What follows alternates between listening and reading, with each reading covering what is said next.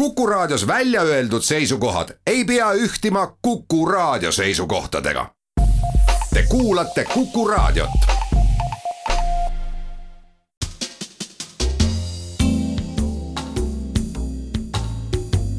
tarkade klubi tere päevast, head Tarkade klubi kuulajad, minu nimi on Hannes Rumm ja juhatan tänast saadet sel lihtsal põhjusel, et tavaline saatejuht Timo Tarve on läinud sukelduma Estonia vrakile ja korraldama täiendavat uurimist. olen korduvalt proovinud samuti alustada saadet sellise poeetilise sissejuhatusega nagu Timo, aga iga kord läbi kukkunud ja seetõttu võtsin taas kord appi luuletaja sõnad ja laenasin ühelt klassikult luuletusest Sügis sellised read. kuid armas minule on sügis, suve surm kui aastarikkused kõik kogutud on aita, küll paljud sügises ei leia muud kui laita, kuid mind ta vaimustab. sa tunnistama pead, mu kallis lugeja, et tas on palju head. ja siit ka sissejuhatav küsimus, soojendusküsimus, head mängijad, kes oli see klassik? selle küsimust punkte ei jagata, võib julgelt pakkuda. Liiv. tõlkija on luuletusel August Sang aga siis ei saa olla liiv järelikult. Ma mõtlen, et mis keelest August Sank tõlkis, et äh, tõlkis äh, vist saksa keelest peamiselt, et äh, no vihjeks ütlen neile, et vene mälumängutel on vanasõna, et kui sa vastust ei tea, siis vasta. Puškin, Puškin. tegemist on Aleksandr Sergejevitš Puškini luuletusega Sügis. Ja siit ongi hea edasi minna tänase saate külaliste tutvustusega, tänane saade on meil nagu tennise segapaaris mäng, ühel pool võrku on siis ähm, Postimehe ajakirjanik Erkki Bahovski, kes esindab Nõmme linnaosa, tere Erkki! tere õhtust või hommikust! ja Erkki tänane mängupartner on Epp Kõiv, Epp on riigiametnik, kahekuise lapse ema, aga inimestele on ta eelkõige tuntud kui kuldvileku tšempion, tere Epp! tervist! ja teisel pool võrku on ähm, ennast soojaks mänginud Riigikogu liige Riina Sikkut, kes esindab samuti kesklinna, nagu ka Epp, tere päevast, Riina! ja Arko Olesk, keda kõik Kuku raadio mängijad hästi tunnevad, kui mälumängu küsimuste autorit, aga Arko alustab kahe nädala pärast tööd Kadriorus Alar Karise teadusnõunikuna, tere Arko! tere! ja lähemegi tempokalt tänase saate küsimuste juurde, nagu ikka, jätkan oma sellist head tava ja küsimuste teemad, viis valdkonda on tähistatud siis erinevatest lauludest pärit väljenditega ja kõlavad need niimoodi.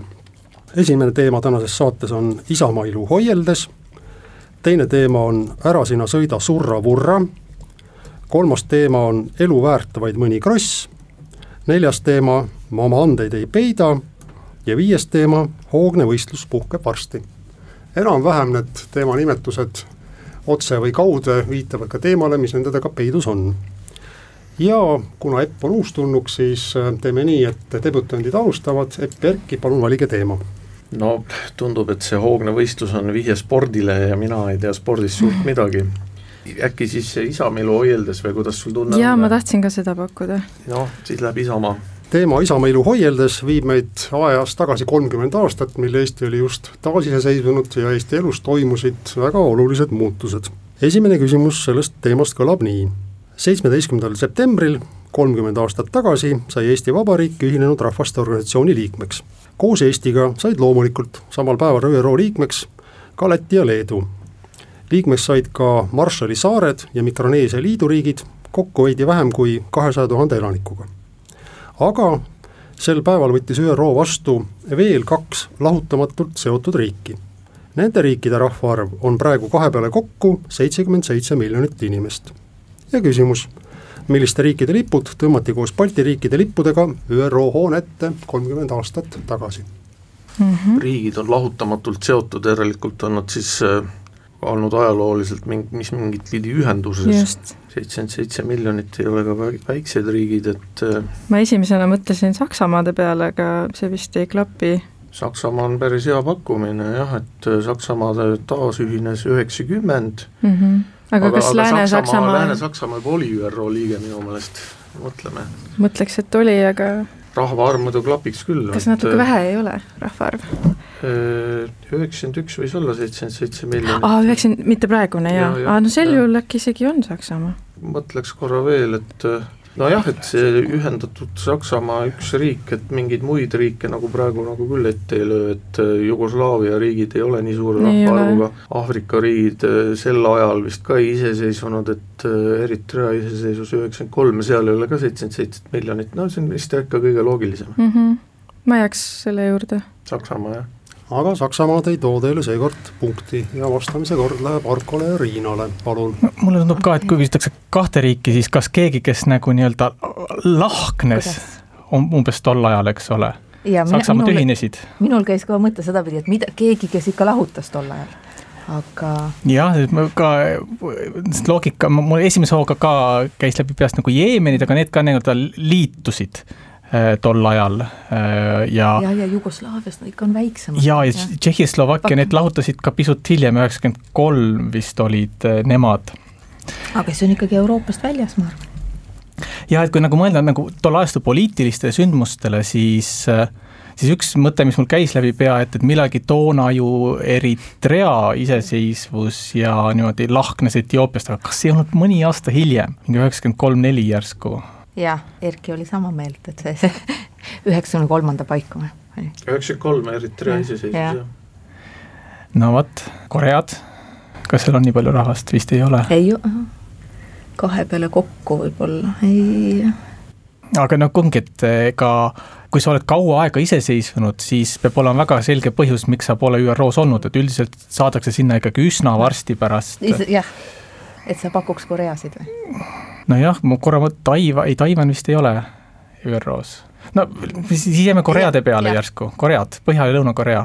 jaa, see on ka õige vastus, sest nii üllatav, kui see, kui see ka ei ole, tänu sellele, et Koread olid omavahel tülis ja tõenäoliselt Hiina siis blokeeris Lõuna-Korea vastuvõtmise ÜRO-sse, kuigi riik, mis oli korraldanud ka suveolümpiamängud, mis näitab juba täielikku majanduslikku ja poliitilist äh, toimetulekut, võeti ÜRO-sse alles samal ajal kui Eesti ja Arko ning Riina lähevad üks-null mängu juhtima ja saavad valida ka järgmise teema mm.. aga me võime lihtsalt sporti ei võta.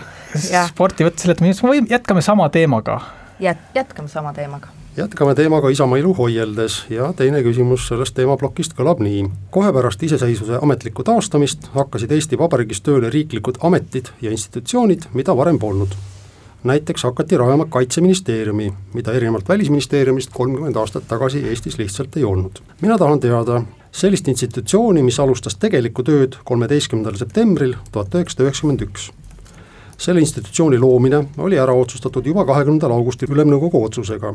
institutsiooni juhtis Tõnu Anton ja kuigi see institutsioon töötas alla aasta, kiitis selle töö tulemuse ametlikult heaks nelisada seitse tuhat kaheksasada kuuskümmend seitse inimest mm põhiseaduse assamblee? jah, ilmselt küll, et vaat see nagu nelisada tuhat viitab, eks ole, see peab olema mingi rahvahääletus, rahvaküsitlus, valimised ja kui aasta tegutses, ta pidi ikka mingi töö või ülesande valmis saama. muidu, ma pakuks Riigikontrolli või midagi sellist, aga, aga noh, see tegutseb ju siiamaani. just, et me võime korra ainult mõelda, et kas see nelisada seitse tuhat, ega seda vähe ei ole. ei äh, ole, ei ole. ei ole. põhiseaduse assamblee on õige vastus lähete kaks-null ette, tõepoolest see institutsioon, mis tööd alustas ja mis võib-olla on Eesti Vabariigi ajaloos üks vähim teenimatult tähelepanuta jäänud institutsioon oli siis Põhiseaduse Assamblee, mis alustas tööd kolmkümmend aastat tagasi, kuhu kuulus kuuskümmend inimest, kolmkümmend neist siis oli Ülemnõukogu esindajad ja kolmkümmend Eesti Kongressi esindajad. ja valimise järg on tagasi jõudnud Eppu ja Erki kätte. no see on keeruline jah, et mis teemad nüüd siis, et äh mis need siin teine ja kolmas teema olid? ära sina sõida surra-vurra ja elu väärt vaid mõni kross. ütlen nagu etteruttavalt, et ära sina sõida surra-vurra ei tegele suusatamisega, aga transpordiga mm -hmm. ja elu väärt vaid mõni kross viib meid kriminaalsesse maailma krimi ja see ja oma anded ei veida, on ilmselt kultuur, et Just. et ma ei tea, mina isiklikult pakuks kultuuri, aga mis, mis mõtted sul on? Ja lähme kultuuri peale. nii, tänane kultuur, mis peidab ennast siis äh, teemanimetuse all Ma oma andeid ei peida, see rida on pärit ansambli Fix loost Tsirkus ja esimene küsimus sellest teemast kõlab nii. laulja Artur Rinne oli väga kuulus enne teist maailmasõda ja selle ajal. pärast sõda töötas mõned aastad teatris Vanemuise aga tuhande üheksasaja viiekümnendal aastal saadeti karistuseks Eesti SS Leegioni kuulumise eest Arhangelski oblastisse asumisele. ja oma mälestustes kirjeldab Rinne ühte eriti meelde sööbinud õudusunenägu, kuulake palun hoolega. ükskord nägin unes, et mulle tuldi järgi. kõlistavad ukse taga, ämm ütleb, näed, miilitsad tulid järgi. jooksen magamistuppa, teen akna lahti, mõtlen, et hüppan aeda, vaatan, seal on automaatidega mehed. jooksen suurde tuppa, näen, seal on auto ja terve rivi automaatidega mehi ümberringi. lõin käega otsa ette, teen silmad lahti, punktiirjoon, küll on hea meel, mille üle Rinne ärgates rõõmustas keeruline, mina ei ole Rinne mälestusi lugenud. ka mina ei ole. mille kõige lihtsam vastus oleks muidugi see, et ta rõõmustas selle üle, et neid püssidega mehi ei olnud. jah, aga kas see oleks liiga ilmselge vastus? äkki siin on hoopis mingi ämma nali peidus et, et ta oli ämma juures jah, kui ma õigesti mäletan ma ütlen äm... suunavalt, et see ämma roll ei ole siin oluline, et sama hästi võib seal võinud olla onu, tädi, vanaisa, vanaema mm. -hmm. huvitav, huvitav ega siin nagu ei oska midagi nagu pakkuda ka, et lõi otsa ette ja et ja oli õnnelik. ja oli õnnelik. kas ta siis oli äh, seal asumisel siis veel või, või oli ta kodus? asumisel. asumisel et, et aias olid siis automaatidega mehed ja toas olid ka. unenäos. unenäos jah, aga et ärgates siis miski oli kergendus? nojah, ma ei, ma ei tea, keeruline, kas võib-olla, aga me mõtleme korra selle peale, et ta on, et ta oli laulja, eks ole, et, et kas see on seotud kuidagi siis muusikaga või? ei ole. tal on hääl alles äkki või, ma ei tea, et nojah, Arkangelsk, no mis kergendus seal saab olla, et nagu väga polaarne ala ja no et äkki, äkki kergendus oli see, et, et, ta oli juba ära viidud, et ei tuldud uuesti? aa jah, et ta jah, et ta, ta oli juba jah ja, seal jah, jah. ja nii tõesti oligi ah., loen õige vastusena ette siis Artur Rinne täieliku tsitaadi, Rinne meenutas oma õudusunenägu siis niimoodi, lõin käega otsa ette, teen silmad lahti, näen, ma istusin juba kolmandat aastat laagris, küll oli hea meel. enam polnud vaja midagi karta ja selle vastusega Epp ja Erki vähendavad vahet seisuks üks, kaks ning kuulame siinkohal ära esimese reklaami.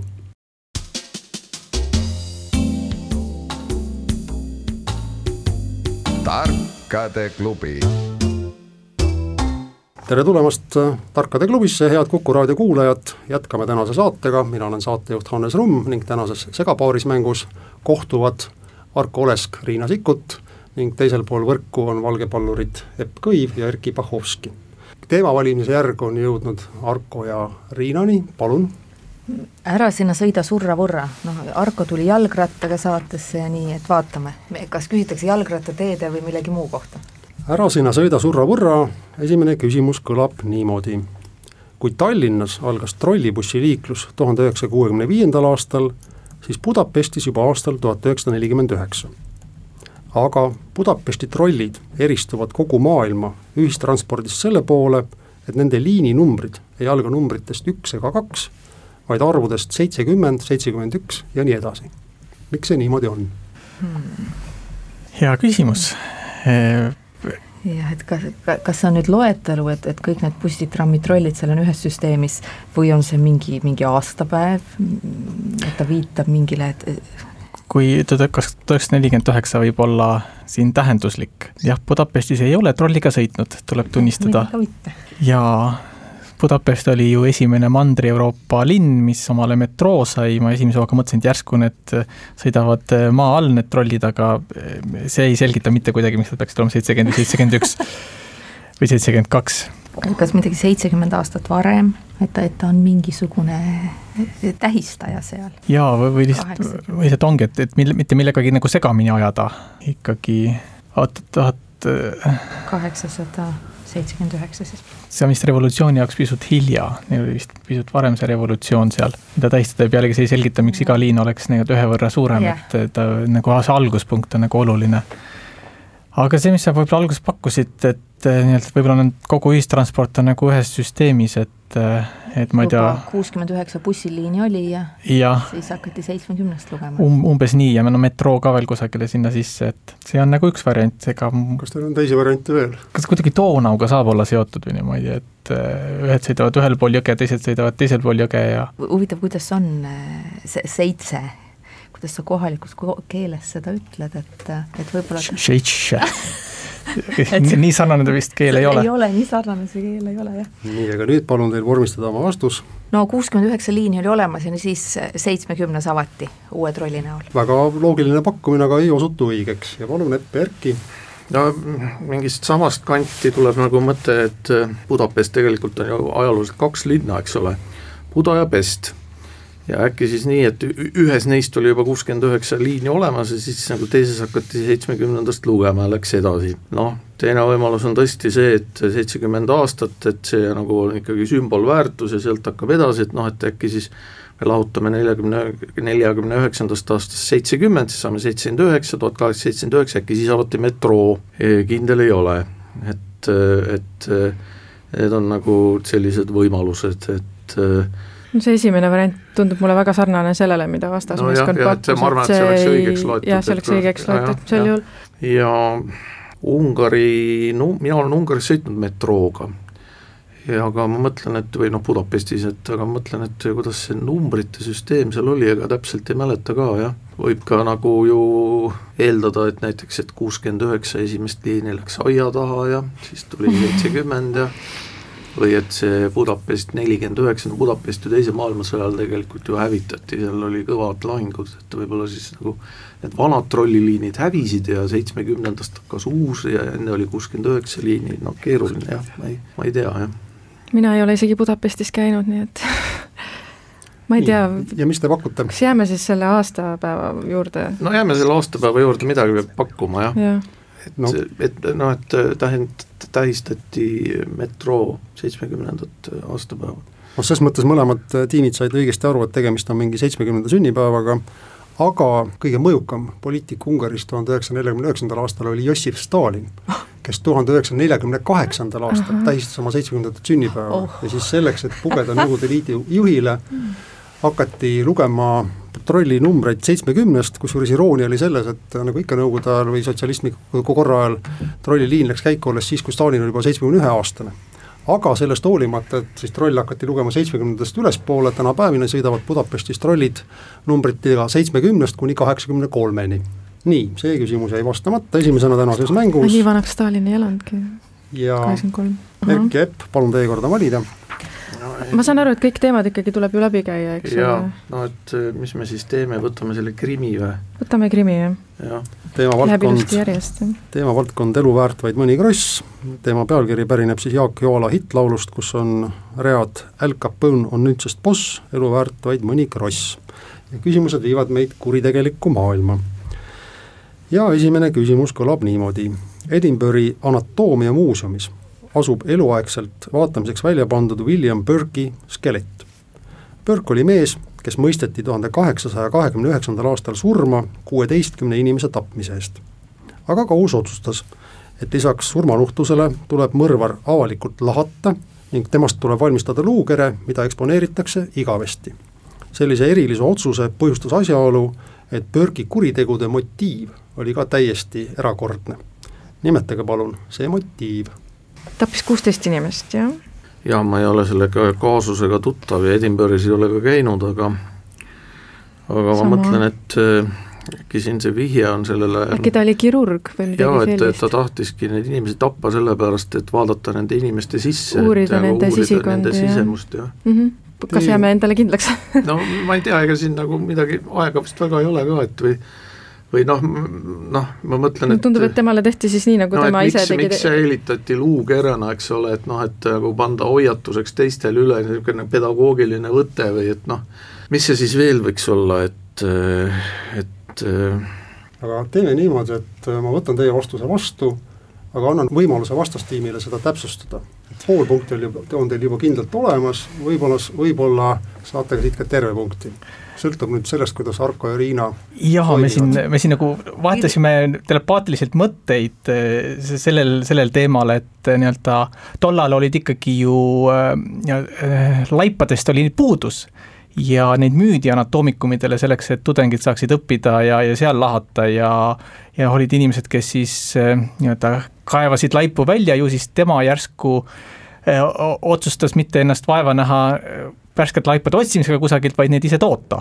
kas, kas, kas tegemist oli, et, et osutada kvaliteetsemat haridust, ütleb meil ülikooli töötaja umbes nii, jah, teenusepakkuja. nii, täpsustus oli selles mõttes väga asjakohane, et äh, punkt läheb pooleks, kuna Erki ja Epp tabasid ära selle, et inimene siis äh, kasutas laipu äh, teaduslikel eesmärkidel, aga ta ei olnud mitte kirurg, vaid oli siis tõepoolest tavaline labane kurjategija, kes lämmatas ohvreid, kes olid tänases mõistes asotsiaalid ja müüs siis nende surnukehi Edinburgh'i juhtivale anatoomiliste uuringute keskusele, mis oli siis, Edinburgh'is olid tol ajal maailma juhtivad anatoomid nii et äh, punkt läheb pooleks, seis on kaks pool, poolteist, Arko ja Riina kasuks ja nemad saavad valida ka teema no peaaegu kõik on siit äh, läbi käinud, ma ei tea, kas me sporti julgeme puudutada, jätame. võtame elu väärt, vaid mõni kross uuesti. ei, jätkame kriminaalsel lainel, et järsku, järsku me tunneme ennast selles mitte nii mugavalt, aga siiski. ja järgmine krimiküsimus toob meid ajas natukese lähemale, aga ruumis viib meid kaugemale, sest et äh, see küsimus viib meid kaheteistkümnendasse veebruari tuhat üheksasada kolmkümmend üks ja Peruusse Arequipa linna, kus praegu elab miljon inimest ja selle elanike arvuga on siis Arequipa ka Peruu suuruselt teine linn. ja küsimus on väga lihtne, millise kuriteo esmasooritamisega kogu maailmas läks see linn ajalukku? Eestis on selliseid kuritegusid sooritatud harva tuntumad juhtumid pärinevad näiteks aastatest tuhat üheksasada kuuskümmend üheksa ja tuhat üheksasada üheksakümmend kolm ja täiesti absurdsel moel süüdistati selles kuritöös neljakümnendate aastate lõpul ka kunstitudeng Ülo Soosterit. ma käisin seal kaks aastat tagasi, aga sellest seal kohapeal juttu ei olnud. et enam ei olegi nii legendaarne sündmus, et ainult mälumänguritele mm.?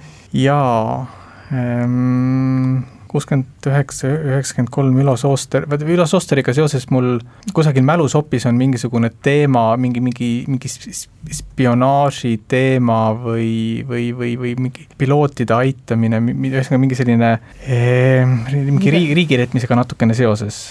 aga, aga seal võisid olla mängus lennukid, sest see peab olema nagu, nagu esmasooritamine tuhat üheksasada kolmkümmend üks siis, siis see peab mingi tehnoloogilise arenguga seoses just, just. varem ei olnudki võimalik võib-olla. jaa, ja noh, lennukid äh, olid ju aastal tuhat üheksasada üksteist vist umbes niimoodi leiutatud ja siis niimoodi liinilennud algasid kolmekümnendatel, aga järsku on lennuki kaaperdamine lennuki kaaperdamine. jah, üheksakümmend, jah, kuuskümmend üheksa, üheksakümmend kolm, midagi siin Tallinnas ju oli ka, et, et näpati siit ja sealt äh, mingeid lennukeid ja, ja pakume pakume? see on õige vastus, sest et tõepoolest kolmekümne esimesel aastal juhtus siis Peruus selline lugu, et äh, kohalikud revolutsionäärid nõudsid Ameerika lendurilt, et ta viiks nad pealinna Liimasse, kus nad tahtsid revolutsiooni teha. aga Ameerika lendur Byron Richards keeldus mässajaid sõidutamast, teda hoiti koos lennukiga kümme päeva siis seal lennuväljal vangis. ja tõepoolest, tuhat üheksasada kuuskümmend üheksa taheti siis Tallinnast startinud lennukiga põgeneda Rootsi ja tuhande üheksasaja üheksakümne kolmandal aastal maandus Tallinnast lennuk, mis oli startinud Tjumeenist ja millega samuti taheti põgeneda Rootsi ja siis kunstitudeng Ülo Soosterile pandi muuhulgas äh, kriminaalkaristuse määramisel süüks seda, et ta tahtis ka Hiiumaalt kuidagi kaaperdada lennuki ja sõita sellega Rootsi. nii et äh, Arko ja Riina, kolm ja pool punkti on teil juba koos. ja selleks, et teie vastastele veidi hingetõmbeaega anna, anda, kuulame ära reklaami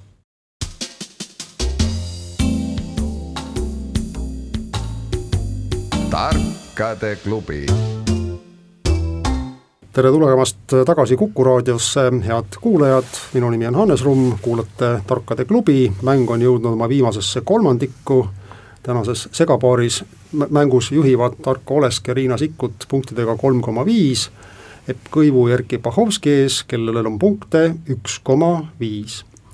ja Epp ja Erkki saavad oma lõpuspurti alustada sellest, et valivad järgmise küsimuse teema no kas võtame siis ka jalgrattateede teema? jah, jalgrattateed et oleme siis jõudnud äh, praeguse Tallinna valimiskampaania põhiteemani, aga tegelikult äh, viib see küsimus meid Eestist ära hoopis Slovakkiasse ja Slovakkias oli siis tänavu suvel selline kogu maailmas tähelepanu äratanud sündmus, et saksa professor Stefan Klein lendas kolmekümnendal juunil Slovakkia linnast Nitra pealinna Bratislavasse oma konstrueeritud lennuvahendiga. aega kulus tal selleks lennuks kolmkümmend viis minutit. ja küsimus ongi, millega professor ühest Slovakkia linnast teise lendas. teatud mõttes on loomulik, et just sellise sõidukiga lennati just sellises riigis nagu Slovakkia no, esimene mõte tuleb muidugi, see on vist jälle liiga lihtne, et, et seoses selle rohepöördega, et tegemist oli mingisuguse elektrilise, ma ei tea, kas siis lennukiga või drooniga või midagi sellist, see nüüd küll ei viita otseselt sellele Slovakkiale, et ma mõtlen mm, -hmm. mis see mhm. Slovakkia iseärasus on, et ma, ma ütlen täpsustavalt, et äh, professor Klein sõitis selle sõidukiga lennuväljale ja sealt lendas edasi. see ei ole droon ega lennuk. üks ja seesama sõiduvahend oli, millega ta lennuväljale sõitis ja lennu sealt lendas siis?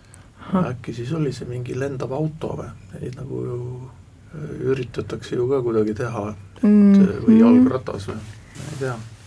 äkki on see, see raudmehe ülikonnalaadne toode kuigi kas selle, sellega vist saab sellega, ainult lennata, eks ole. saab sõita mööda teed. ei saa vist jah. et ja miks see just Slovakkiale iseloomulik on, et äh, mis on Slovakkiale iseloomulik? iseloomulik on see, et ei ole merepiiri siis nagu jääb mõtlema, et kas, kas see peaks olema siis mitte miski, mis ei ole nagu meresõiduk mm. -hmm. või vastupidi, et see peaks siis olema nagu just mingi, ma ei tea, laev siis või õhulaev või või sõitis ta lennuväljale siis äkki mööda jõge, ei tea jah, see on, see on jah, raske. ma olen Bratislavas käinud, aga seal Nitras ei ole käinud, et kolmkümmend viis minutit, noh, Slovakkia ei ole väga suur riik, et mm -hmm. sealt ühest linnast teise jõuda, noh, mis see siis on, võib-olla maksimaalselt mingi sadakond kilomeetrit, et äh, sellega saab sõita. aga missugune masin saaks sõita mööda maad ja siis ka õhku tõusta edukalt? no auto jah, neid on ju katsetatud, neid lendavaid autosid, aga miks see just Slovakkial on iseloomulik mm, -hmm, see on nagu, nagu oota, Slovakkias tehakse ka mingeid autosid üldse või? vanasti tehti Slovakkias, eks ole, need tehti Škodasid. Need on Tšehhis. Need on Tšehhis, aga mis siis Slovakkias on? või tehakse Slovakkias jalgrattaid äkki või? Äkki on tõuks, tõuksile pandi mingi, ma ei tea, propeller külge ja sõideti, et aga jälle see, et mis see Slovakkiale iseloomulik on, et ma ei kujuta ettegi, jah. nii, aga nüüd ma olen sunnitud paluma, et äh, pakuksite välja oma vastuse. ma ei tea, et see õhulaev kõlab ilusti sõnana, äkki see on see vihje kuidagi, et ei ole merd? nojah, paneme siis õhulaev, jah. see ei ole paraku õige vastus Arko ja Riina, palun. me läheks autode juurde vist tagasi. jaa, ja minu esimesed mõtted ka olid ka, et ikkagi noh, Slovakkia on mägine riik, et kas mingisugune, ma ei tea, deltaplaan või ornitopter, aga aga siis, kui Erki ütles lendav auto, siis nagu meenub küll, et Slovakkia on üks e-, Euroopa suurimaid autotootjaid või vähemasti per capita, et ta on meelitanud sinna viimasel paarikümnel aastal päris palju rahvusvahelisi autofirmasid, kelle tootmine seal on niimoodi, et selles suhtes mulle see Erki pakkumine, lendav auto meeldib kõige rohkem. ja, ja eriti ja, ja samamoodi Erki pakkumine rohepöörde kohta, et see võib sellega kuidagi seotud olla, et kui me vaatame transpordi tuleviku peale, noh et kui on mingi vesiniku või elektriautod, mis siis suudavad, tundub, et väiksemaid vahemaid ka lennata, et võib-olla siis on meie transpordi tulevik et pakume midagi lendava autoga seoses, jah.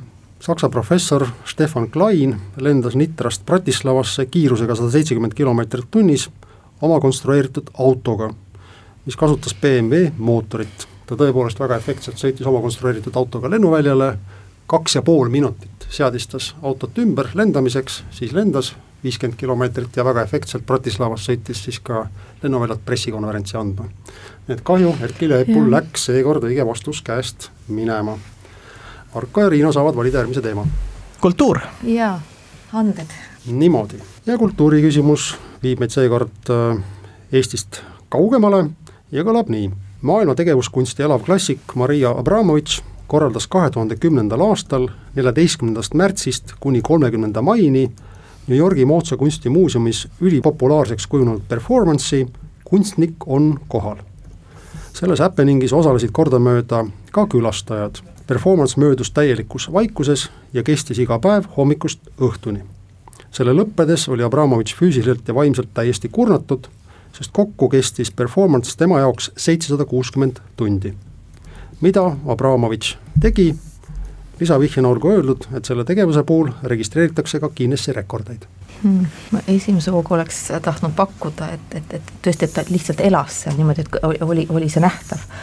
aga ikka mingi füüsiline pingutus pidi juures olema, et vastupidi, ma arvan, et ta pigem et ta lihtsalt nagu oli seal seisis. tead, kunstnik oli kohal või, või isegi istus, et, et noh, ta on, ta on selline teada-tuntud piiride katsetaja, eks ole, mingid äh, Hiina müüri läbikõndimised ja, ja samal ka, samas ka niimoodi inimeste nii-öelda ebamugavasse olukorda panekud on temale iseloomulikud, et et, et tõesti, kas ta lihtsalt nii-öelda istus seal laua ääres ja külastajad võisid tulla ja niimoodi temaga, temaga tõtt vaadata, jah. Ja, ja tema on seal kohal, eks ole, ja siis äh, täielikus vaikuses, eks ole, sa, saabki ainult niimoodi äh, vaadata teineteist. aga Guinessi rekordi istumises, jõllitamises. Staring competition ma ei tea, kas seal on ametlikud äh, ametlikud rekordid määratletud, aga, aga võib-olla, võib-olla pakuks midagi selles liinis, et, et istus ja, istus ja vaatas tõtt külastajatega. võtan teie vastuse vastu ja küsin just huvi pärast Eppo Erki käest, mida teie oleksite pakkunud? kuna ma just aasta tagasi lugesin Marina Abramovitši elulugu, siis, äh, siis ma vist tean seda vastust et jah, ta istus ja inimesed käisid, said talle vastu istuda siis ja tema ei öelnud midagi, ei rääkinud nendega ja siis ja siis olevat väga mõjuv olnud külastajate jaoks, kes seal puhkes nutma ja kes eh, kuidagi terape-, terapeutiliselt mõjus see nendele külastajatele. no näha on, et täna ei ole Erki ja Epu päev, et, et ei vea neil küsimuste valikuga, sest eh, tegelikult eh, Arko ja Riina vastasid õigesti, see performance oligi siis selline, et al-, oli algselt kavandatud märksa lühemana ja kunstnik siis kutsus inimesi, kes tahavad talle üle laua silma vaadata, algselt see kestis tund aega järjest, kunstnik oli üleni siis selline, ta on efektne mustade juustega Serbia daam oli üleni mustas ja vaatas vaikides inimestele silma ja see läks tohutult populaarseks ja happening ja lihtsalt kunstnik ühel hetkel oli juba sellest intensiivsest silmavaatamisest nii kurnatud, et ta pidi selle tervislikel põhjustel ära lõpetama.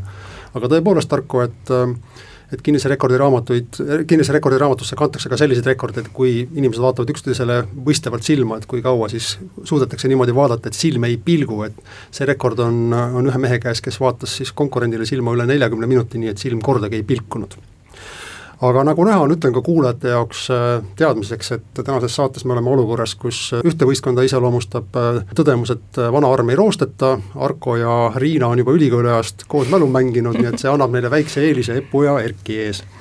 aga läheme mänguga edasi, Epp, Erki, teie kord on valida teema ja ega teil rohkem valida ei ole mm -hmm. kui, kui spordiküsimused no,. seame end valmis siis ja vahelduseks on järgmine küsimus tänases saates ka ainukene raadiokuulaja küsimus see raadiokuulaja on Mart Tarmak Vilniusest ja ta on saatnud meile sellise küsimuse. tuhande üheksasaja üheksakümne esimesel aastal sündis Rwanda lendurile Vincent Ngadimanale poeg, kes sai nimeks Jean. lendur hukkus peagi kodusõjas ja väike Jean kasvas üles oma ema kodumaal ning ta kasutab ka oma ema perekonnanime. tänavu sai Jean oma kodumaal eriti kuulsaks, sest tõi oma riigile Tokyo olümpiamängudelt ainsaks jäänud kuldmedali võitis ta selle kuldmedali Kreeka-Rooma maadluses kehakaalus kuni kaheksakümmend seitse kilo. ta on kodumaal juba varem üsna kuulus tänu sellele, et ta kuulub kolmandat aastat oma kodumaa parlamenti, kusjuures ta on selle parlamendi, riigi parlamendi ajaloos esimene mustalahaline parlamendiliige. ja küsimus ongi, millist riiki esindab Jean, Eesti suursaadik selles riigis on Kaimo Kuusk. Kaimo Kuusk on Ukrainast nii et see on Ukraina, on see vastus. pihtas põhjas. oleks pidanud spordi varem võtma maadleva Ukraina parlamendiliikme nimi on Jean Belenjuk Aha. ja ta kuulub äh, president Volodõmõr Zelenskõi erakonda. nii et äh, Epp ja Erki vähendavad vahet, seis on kaks pool, neli pool ja viimane küsimus jääb kõlama ka esialgu siis Arkole ja Riinale ja kõlab nii tuhande üheksasaja viiekümne teisel aastal pidas NSV Liidu korvpallimeeskond viimased olümpiaeelsed kontrollmängud Tallinnas Eesti NSV koondise vastu.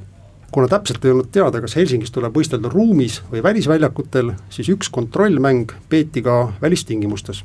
ja siis äh, tahangi teada kohta, kus see mäng peeti, selleks, selle mängu korraldamiseks ehitati sinna spetsiaalselt siis puidust põrand korvpalli mängimiseks. järgmist korda mängiti korvpalli samas kohas, vabas õhus, tuhande üheksasaja kuuekümne esimesel aastal siis toimus Tallinna sportmängude korvpalliturniir, kus kaasa lõi ka Praha-Slaavia meeskond ja kuna korraldajad lootsid, et pealtvaatajaid tuleks välisväljaku äärde rohkem, siis juulikuus Praha korvpallurid mängisidki sellel väljakul kaks mängu TPI ja Tallinna Kalevi meeskondadega.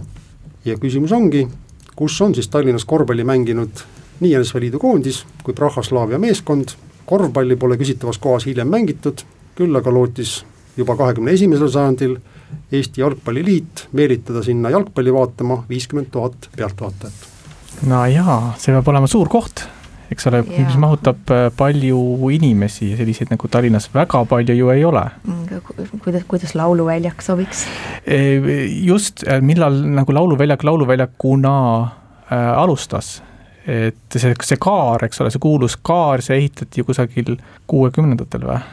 Mhm. aga võib-olla ta, seal enne seda võis seal olla ja, selline midagi, seal oli väljak võib-olla olemas varem või plats jah, jah, plats, kus, kus nagu tähistati, et noh, neid laulupidusid ju Tallinnas äh, oli küll ju nelikümmend üheksa oli esimene sõjajärgne ja, ja et äh, muidu enne viimast seda vihjet, et, et neid jalgpallivaatajaid sinna nii palju oleks, muidu ma mõtlesin, et võib-olla on ikkagi linnas sees, kuskil Vabaduse väljakul või, just, või Raekoja platsis, või, või, või ma mõtlesin ka Kadrioru staadioni ja. peale või, või Kalevi staadion, aga, aga tõesti see viiskümmend tuhat, eks ole, see no ma ei tea, ega no ma ei tea, mere peal, ei mere peal küll ei saa no nii et ühesõnaga ma arvan, et ega siin peale lauluväljaku siis väga palju muid variante enam lauale ei jää. ja mis seal salata, eks see ongi õige vastus, NSV Liidu korvpallimeeskond mängis siis tuhande üheksasaja viiekümne teisel aastal vana laulukaare ees ja Praha Slaavia korvpallimeeskond kuuekümne esimesel aastal mängis siis juba vastvalminud uue laulukaare ees. nii et äh, tänase mängu on viis pool, kaks pool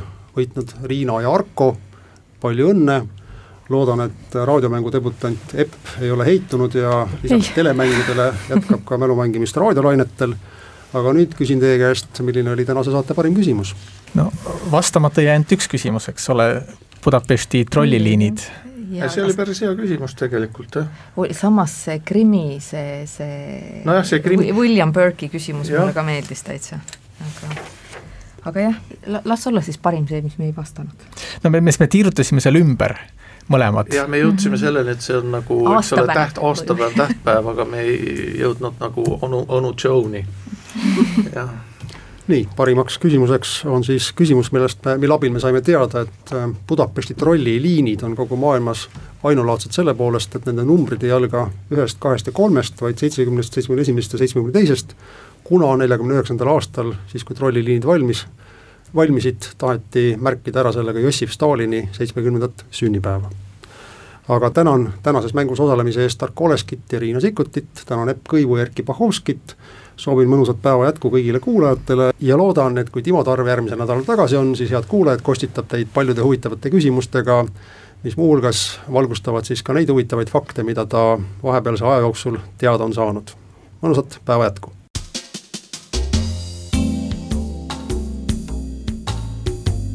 Tarkade klubi